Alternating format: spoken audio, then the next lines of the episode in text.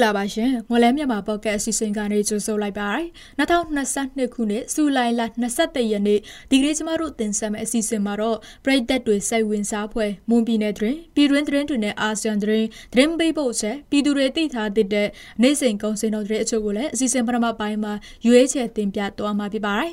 ဒါအပြင်ကရင်အမျိုးသားကာကွယ်ရေးတပ်ဖွဲ့ KNDO ရဲ့အကွဲအပြဲဟာကရင်လူထုအတွက်ကောင်းတဲ့အလားအလာမဟုတ်ဘူးဆိုတဲ့သတင်းပေးပို့ချက်ကိုလည်းတင်ဆက်ပေးမှာပါ ဟုတ်ကဲ့ပါဒီနေ့အစီအစဉ်မှုကတော့ကျမ MI blog ကတာဝန်ယူသွားမှာဖြစ်ပြီးကျမနဲ့အတူကိုခက်မြတ်သူကသတင်းတွေကိုကူညီဖက်ကြားပေးသွားမှာဖြစ်ပါတယ်နားဆင်ကြတဲ့ပရိသတ်တွေအားလုံးကိုမင်္ဂလာပါလို့နှုတ်ခွန်းဆက်တာပါရစေကျွန်တော်ခက်မြတ်သူကမိအိုင်ဘလော့နဲ့အတူသတင်းတွေကိုကူညီတင်ဆက်ပေးသွားမှာပါ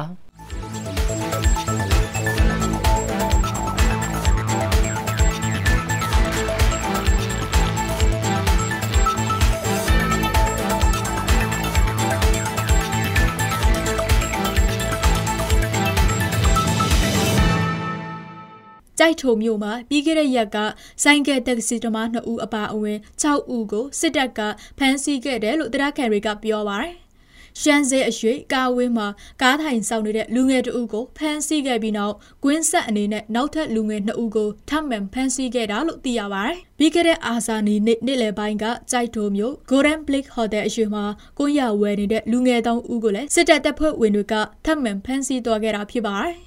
ပြည်သူ့ကာကွယ်ရေးတပ်ဖွဲ့ PDF တို့ကိုထောက်ပံ့တဲ့ဆိုပြီးအခုလိုဖမ်းဆီးခဲ့တာဖြစ်ပြီးဖမ်းဆီးခံရတဲ့သူတွေကိုဘယ်နေရာမှာဖမ်းဆီးထိန်းသိမ်းထားလဲဆိုတာမသိရသေးသလိုလက်ရှိအချိန်ထိမိသားစုနဲ့ဆက်သွယ်မရသေးပါဘူး။အဲဒီကိစ္စနဲ့ပတ်သက်ပြီး NASA ကကောင်စီဘက်ကလည်းဘာမှထုတ်ပြန်လာတာမျိုးမရှိသေးပါဘူး။ KNU ထိန်းချုပ်နယ်မြေဒူပလီယာခရိုင်တမဟာ6နယ်မြေအတွင်းမှာစစ်တပ်ရဲ့လေကြောင်းတိုက်ခိုက်မှုတွေအပါအဝင်တိုက်ပွဲတွေကြောင့်စစ်တပ်အာဏာသိမ်းပြီးနောက်ပိုင်းအရသာပြည်သူ82ဦးသေဆုံးခဲ့တယ်လို့ ကရင်ငင်းငင်းရေးအထောက်အကူပြုဖွဲ့ KPSN ကထုတ်ပြန်ပါတယ်စစ်တပ်ဟာပြီးခဲ့တဲ့2021ဒီဇင်ဘာလကစပြီးတမဟာ6နေမြေကိုအကြီးအကျယ်ထိုးစစ်ဆင်ခဲ့တယ်လို့ KNU တာဝန်ရှိသူတွေကပြောပါတယ်ပြီးခဲ့တဲ့နှစ်ဒီဇင်ဘာလကနေဇူလိုင်လ3ရက်နေ့အထိဒူပလီယာခရိုင်တမဟာ6နေမြေကိုစစ်တပ်က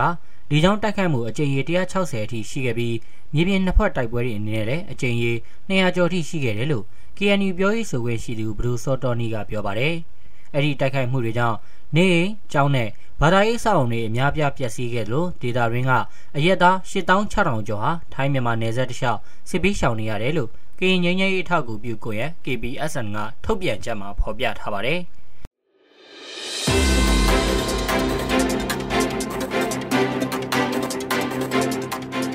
ကျမတို့ရဲ့မလန်းမြန်မာဖောက်ကမြန်မာဘာသာစီစဉ်ကိုအားပေးနားဆင်ကြတဲ့ပရိသတ်များရှင် ကျမတို့အတန်လို့စီစဉ်ကနေပြီးတော့မွန်ပြည်နယ်မှာဖြစ်ပျက်နေတဲ့သတင်းများပြည်တွင်းငင်းချဲရေးဖြစ်စဉ်များပြင်မြန်မာနိုင်ငံတွင်းနဲ့အာဆီယံတွင်းများကိုအပတ်စဉ်တင်လာနေမှတောကြနေများတွင်ည9:00နာရီချိန်တွင် Mon New Agency Facebook စာမျက်နှာတွင်ဝင်ရောက်နားဆင်နိုင်လို့မလန်းမြန်မာဖောက်ကစာမျက်နှာတွင်လည်းဝင်ရောက်နားဆင်နိုင်ပါပြီအားပေးကြတဲ့ပရိသတ်များအားလုံးကိုကျေးဇူးတင်ပါတယ်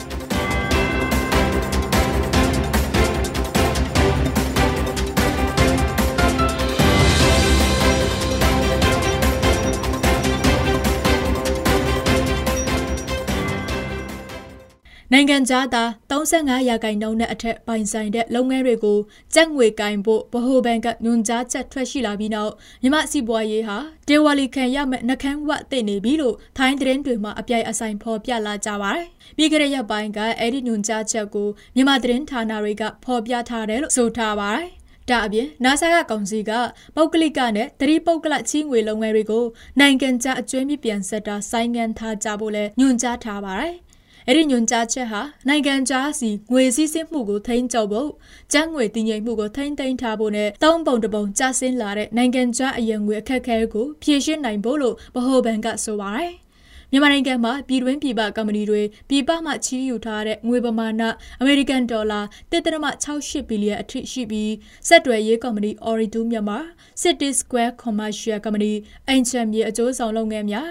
Apollo Tower မြန်မာနဲ့ Irrawaddy Green Tower အစရှိတဲ့စက်တွယ်ရေး Tower တိုင်လုပ်ငန်းတွေပါဝင်ပါတယ်။စကိုင်းတိုင်းဒေသကြီးမြောင်မြို့နယ်တရက်တာကြေးရွာမှာမနေ့ကစစ်တပ်စစ်ကြောင်းထိုးဝင်ရောက်လာပြီးကြေးရွာတင်တပ်ဆွဲထားတာကြောင့် ပြည်သူ900ကျော်ထွက်ပြေးတိမ်းရှောင်နေရတယ်လို့ဒေသခံတွေကပြောပါတယ်စစ်တပ်စစ်ကြောင်းဟာတရက်တာကြီးရွာအတွင်းကဘုံကြီးကျောင်းနဲ့စာတင်ကျောင်းမှာနှစ်ဖွဲ့ခွဲကတပ်ဆွဲထားပြီးကြီးရွာပြည်သူ60ခန့်ကိုလည်းဘုံကြီးကျောင်းအတွင်းမှာဖမ်းဆီးထားတယ်လို့ဒေသခံတို့ကပြောပါတယ်အဲ့ဒီစစ်ကြောင်းဟာဇူလိုင်လ19ရက်နေ့ကမြောင်မြို့နယ်မြစ်ဆုံကြီးရွာအနီးက တလုတ် PDF စကန်ကိုစီးနင်းမိရှို့ဖျက်ဆီးခဲ့တဲ့စစ်ကြောင်းဖြစ်တယ်လို့သိရပါဗျ။ COVID-19 အရေးပေါ်ကာလအသုံးမြစ်ထားတဲ့ထိုင်းနိုင်ငံမှာပြီးခဲ့တဲ့24နာရီအတွင်း COVID-19 ကူးစက်မှုအတစ်2000ကျော်ရှိခဲ့ပြီး23ယောက်ထပ်မံပြီးတော့သေဆုံးခဲ့တယ်လို့ထိုင်းပြည်သူ့ကျန်းမာရေးဝန်ကြီးဌာနကထုတ်ပြန်ပါတယ်။ ပြီးခဲ့တဲ့ရက်ကတော့ COVID-19 ရောဂါကူးစက်ခံရသူပေါင်း1800ကျော်ရှိခဲ့တာမို့ရောဂါကူးစက်မှုနှုန်းကပြန်လျော့နည်းလာခဲ့ပြီးသေဆုံးသူကတော့အရင်တစ်နေ့က19ယောက်ရှိခဲ့တာမို့ပိုတိုးလာတယ်လို့ဆိုပါတယ်။ထိုင်းနိုင်ငံမှာတော့ COVID-19 ကူးစက်ရောဂါကြောင့်အချိန်နှစ်နှစ်ကျော်ပိတ်ထားခဲ့ရတဲ့အိန္ဒိယလေးနိုင်ငံကနယ်စပ်တကားပေါက်တွေကိုပြီးခဲ့တဲ့မေလအစမှာပြန်ဖွင့်ခဲ့တာဖြစ်ပြီးနိုင်ငံတကာလေဆိပ်တွေမှာ Test and Go စနစ်ကိုလည်းဖျက်သိမ်းလိုက်ကဝင်ရောက်ခွင့်ပြုလိုက်တာပါ။ ဒါအပြင်နိုင်ငံတော်ဝန်စာတင်ကျောင်းတွေကိုလည်းပြီးခဲ့တဲ့မေလထဲမှာ COVID-19 ရောဂါကာကွယ်ရေးစီမံစည်းကမ်းတွေနဲ့ညီကတ်သက်ထိန်းချုပ်ပြီးပြန်လည်ဖွင့်လှစ်ထားပါတယ်။ဒါပေမဲ့ပြီးခဲ့တဲ့ဇူလိုင်အစောပိုင်းမှာတော့ထိုင်းနိုင်ငံမှာ COVID-19 ရောဂါကူးစက်မှုထိရောက်စွာထိန်းချုပ်နိုင်ရေးနဲ့ပြည်သူတွေရဲ့အသက်ကိုကာကွယ်နိုင်ဖို့အရေးပေါ်အခြေအနေကာလကိုလာမယ့်စက်တင်ဘာလကောက်အထိနှစ်လထပ်မံပြီးတော့တိုးမြင့်လိုက်တယ်လို့ထုတ်ပြန်ထားပါတယ်။ ဒါ့အပြင်ယောဂကုဆက်ပြန့်နှံ့မှုတွေမြင့်တက်လာတာကြောင့်ပြည်သူတွေအနေနဲ့နှာခေါင်းစည်းတွေကိုဆက်လက်သက်ဆင်ထားသင့်တယ်လို့ထိုင်းပြည်သူ့ကျန်းမာရေးဝန်ကြီးဌာနကသတိပေးထုတ်ပြန်ပါတယ်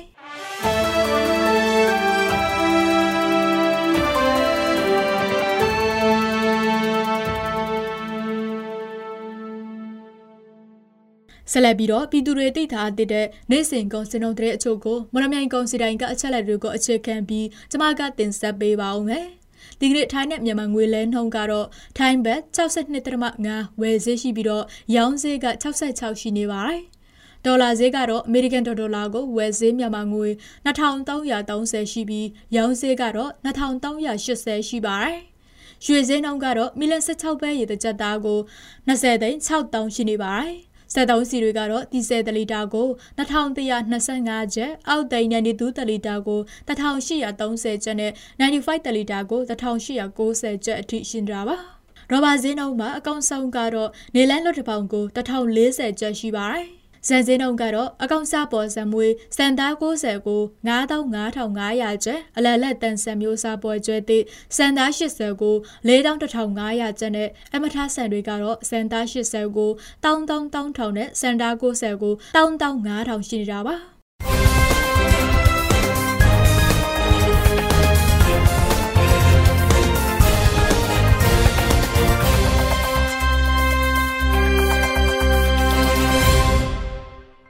အခုတင်ဆက်ပေးသွားတာကအစူလိုင်လ23ရက်နေ့မှာဖြစ်ပျက်ခဲ့တဲ့မွန်ပြည်နယ်တွင်ပြည်တွင်းသတင်းနဲ့အာဆီယံသတင်းတွေပြင်တနိဒာစီစေးငွေစေးနဲ့အကောင်စင်အောင်တွေကိုတင်ဆက်ပေးသွားတာဖြစ်ပါတယ်။ဆက်လက်ပြီးတော့ကရအမျိုးသားကာကွယ်ရေးတပ်ဖွဲ့ KNDO ရဲ့အကွဲပြေးဟာကရလူထုအတွက်ကောင်းတဲ့အလားအလာမဟုတ်ဘူးဆိုတဲ့သတင်းပေးပို့ချက်ကိုစတောင်းနွန်ကတင်ဆက်ပေးပါမယ်ရှင်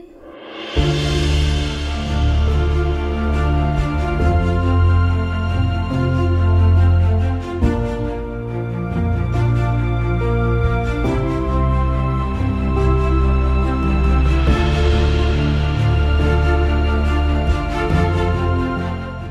ကရင်မျိုးသားကာကွယ်ရေးတပ်ဖွဲ့ KNDO ရဲ့ကွဲပြားဟာကရင်လူထုအတွက်ကောင်းတဲ့အလားအလာမဟုတ်ဘူးလို့ကရင်မျိုးသားဒီမိုကရက်တစ်ပါတီဥက္ကဋ္ဌ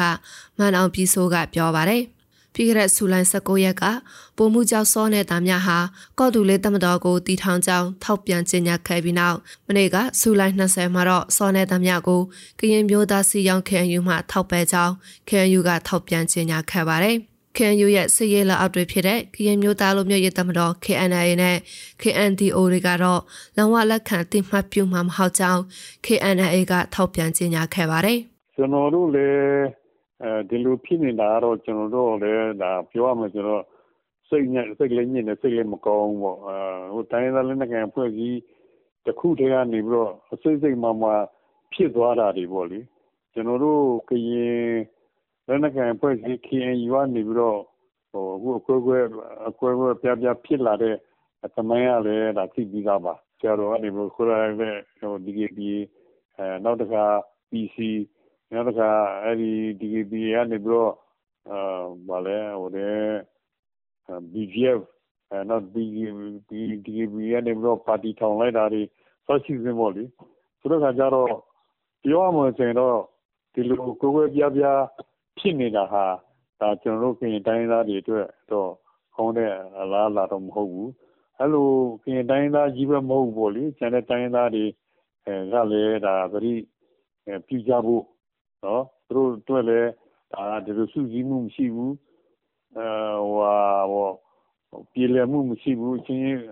ကွဲပြဲနေကြတယ်ဆိုရင်တော့ဒါမကောင်းဘူးကျွန်တော်ကျွန်တော်ကတော့အဲ့လိုပဲမြင်တယ်ကျွန်တော်အဲ့လိုပဲပြောလို့တယ် စေအုပ်စီကြောင့်ပိုးမှုကြောင့်ဆော်ရှိလေဦးဆောင်တဲ့ KNDO ကစစ်တပ်နဲ့တနင်္ဂနွေပြစ်ခတ်တိုက်ခိုက်မှုရက်စက်ရေးတဘောရူစာကြောင့် NCA လက်မှတ်ရေးထိုးထားတဲ့အတွက်မိမိတို့အနေနဲ့လှောက်ရှားမှုတွေပြုလုပ်ရမှာအခက်အခဲတွေရှိနေကြောင်းပိုးမှုကြောင့်ဆော်တဲ့တမဦးဆောင်တဲ့ကော်တူလေတမတော်ရဲ့ထောက်ပြန်ချက်မှာဖော်ပြထားပါတယ်။ကော်တူလေတမတော်ဟာကရင်ပြည်သူတမတော်အနေနဲ့ရက်တည်သွားမှာဖြစ်ပြီးတော်လှန်ရေးအောင်မြင်တဲ့အထိစစ်တပ်ကိုအမြင့်ပြတ်ချွင်မောင်းသွားမှာဖြစ်ကြောင်းဖော်ပြထားပါတယ်။ အလားတူမနေ့ကဇူလိုင်20ရက်ကဖြူလောက်ခဲ့တဲ့ KNU ရဲ့ရေးပေါ်ဖို့လက်မှုဆောင်ကော်မတီစည်းဝေးမှာစောနဲ့တများကို KNU မှထောက်ပယ်ကြောင်းနဲ့၎င်းရဲ့လောက်ရက်တွေဟာ KNU နဲ့မသက်ဆိုင်ကြောင်းထောက်ပြန်ခဲ့ပါတယ်။အာကျွန်တော်သိတယ်တော့ညှိနှိုင်းမှုတောင်လွယ်ပါတော့မလားသူတို့ချင်းချင်းอ่ะ။ဟောညှိနှိုင်းမလွယ်ဘူးဆိုလို့ရှိရင်အာဟိုဟိုတော့လို့ဆန်းအောင်တို့ကြော်သက်တို့လို့ ဟိုဟာပေါ့ခွဲထွက် DKB ပါညာအခုလည်းခွဲထွက် KNDO ဖြစ်မလားတော့မပြောတတ်ဘူးပေါ့ဆိုတော့ကကြတော့ကျွန်တော်တို့ကတော့ဟိုညီနဲ့ဆောင်ရွက်လို့ပြင်တယ်ဆိုလို့ရှိရင်တော့ကျွန်တော်တို့ဝန်တာတော့ဗျာဒါပေမဲ့လွယ်ပါတော့မလားဆိုတဲ့အပိုင်းလဲဒါဆွေးပြီးလို့ရှိတယ်ပေါ့ လက်ရှိကရင်လက်နက်ကိုင်ဖွဲ့စည်းတွေကကရင်မျိုးသားစီအောင် KNU ဒီမိုကရေစီကြိုးပြုကရင်တမတော် TKPA ကရင်မျိုးသားစီအောင်ကရင်မျိုးသားလူမျိုးရေးတမတော်ငင်းချမ်းရေးကောင်စီ KNU KNLABC နဲ့ကရင်ပြည်နယ်ခြားဆောက်တဲ့ PGS စတဲ့ဖွဲ့စည်းတွေရှိပါတယ်။ DKBA နဲ့ KNU KNAPC တို့ဟာ KNU ကနေခွဲထွက်ခဲ့တဲ့ကရင်လက်နက်ကန်ဖွဲ့စည်းတွေဖြစ်ပြီးအဲဒီနောက် DKBA ကနေပုံမှုကြီးစောချစ်သူခွဲထွက်ပြီးကရင်ပြည်နယ်နေချဆောက်တဲ့ PGF ကိုဖွဲ့စည်းကစစ်တပ်နဲ့ပူးပေါင်းခဲ့ပါတယ်။အရင် KNDO ရဲ့စစ်အုပ်စုကြောင့်ပုံမှုကြောက်စောနေတာများဟာမြဝတီခရိုင်ဝေါ်လီဒေသမှာလူ25ဦးတပ်ဖြတ်ခံရမှုနဲ့ပတ်သက်ပြီး ခံယူကဆောင်ဆန်းစစ်ဆေးမှုတွေပြုလုပ်တာကိုရင်မဆိုင်တာကြောင့်ပိုလက်မှုဆောင်ကော်မတီကပုံမှုကြောက်စောနေတာများကိုတာဝန်မှယာယီရက်ဆက်ခဲ့ပါတယ်။အဲဒီနောက်မှာတော့ပုံမှုကြောက်စောနေတာများဟာစူလိုင်19ရက်နေ့ကကော်တူလေတမတော်ကိုထူထောင်ခဲ့ပါတယ်။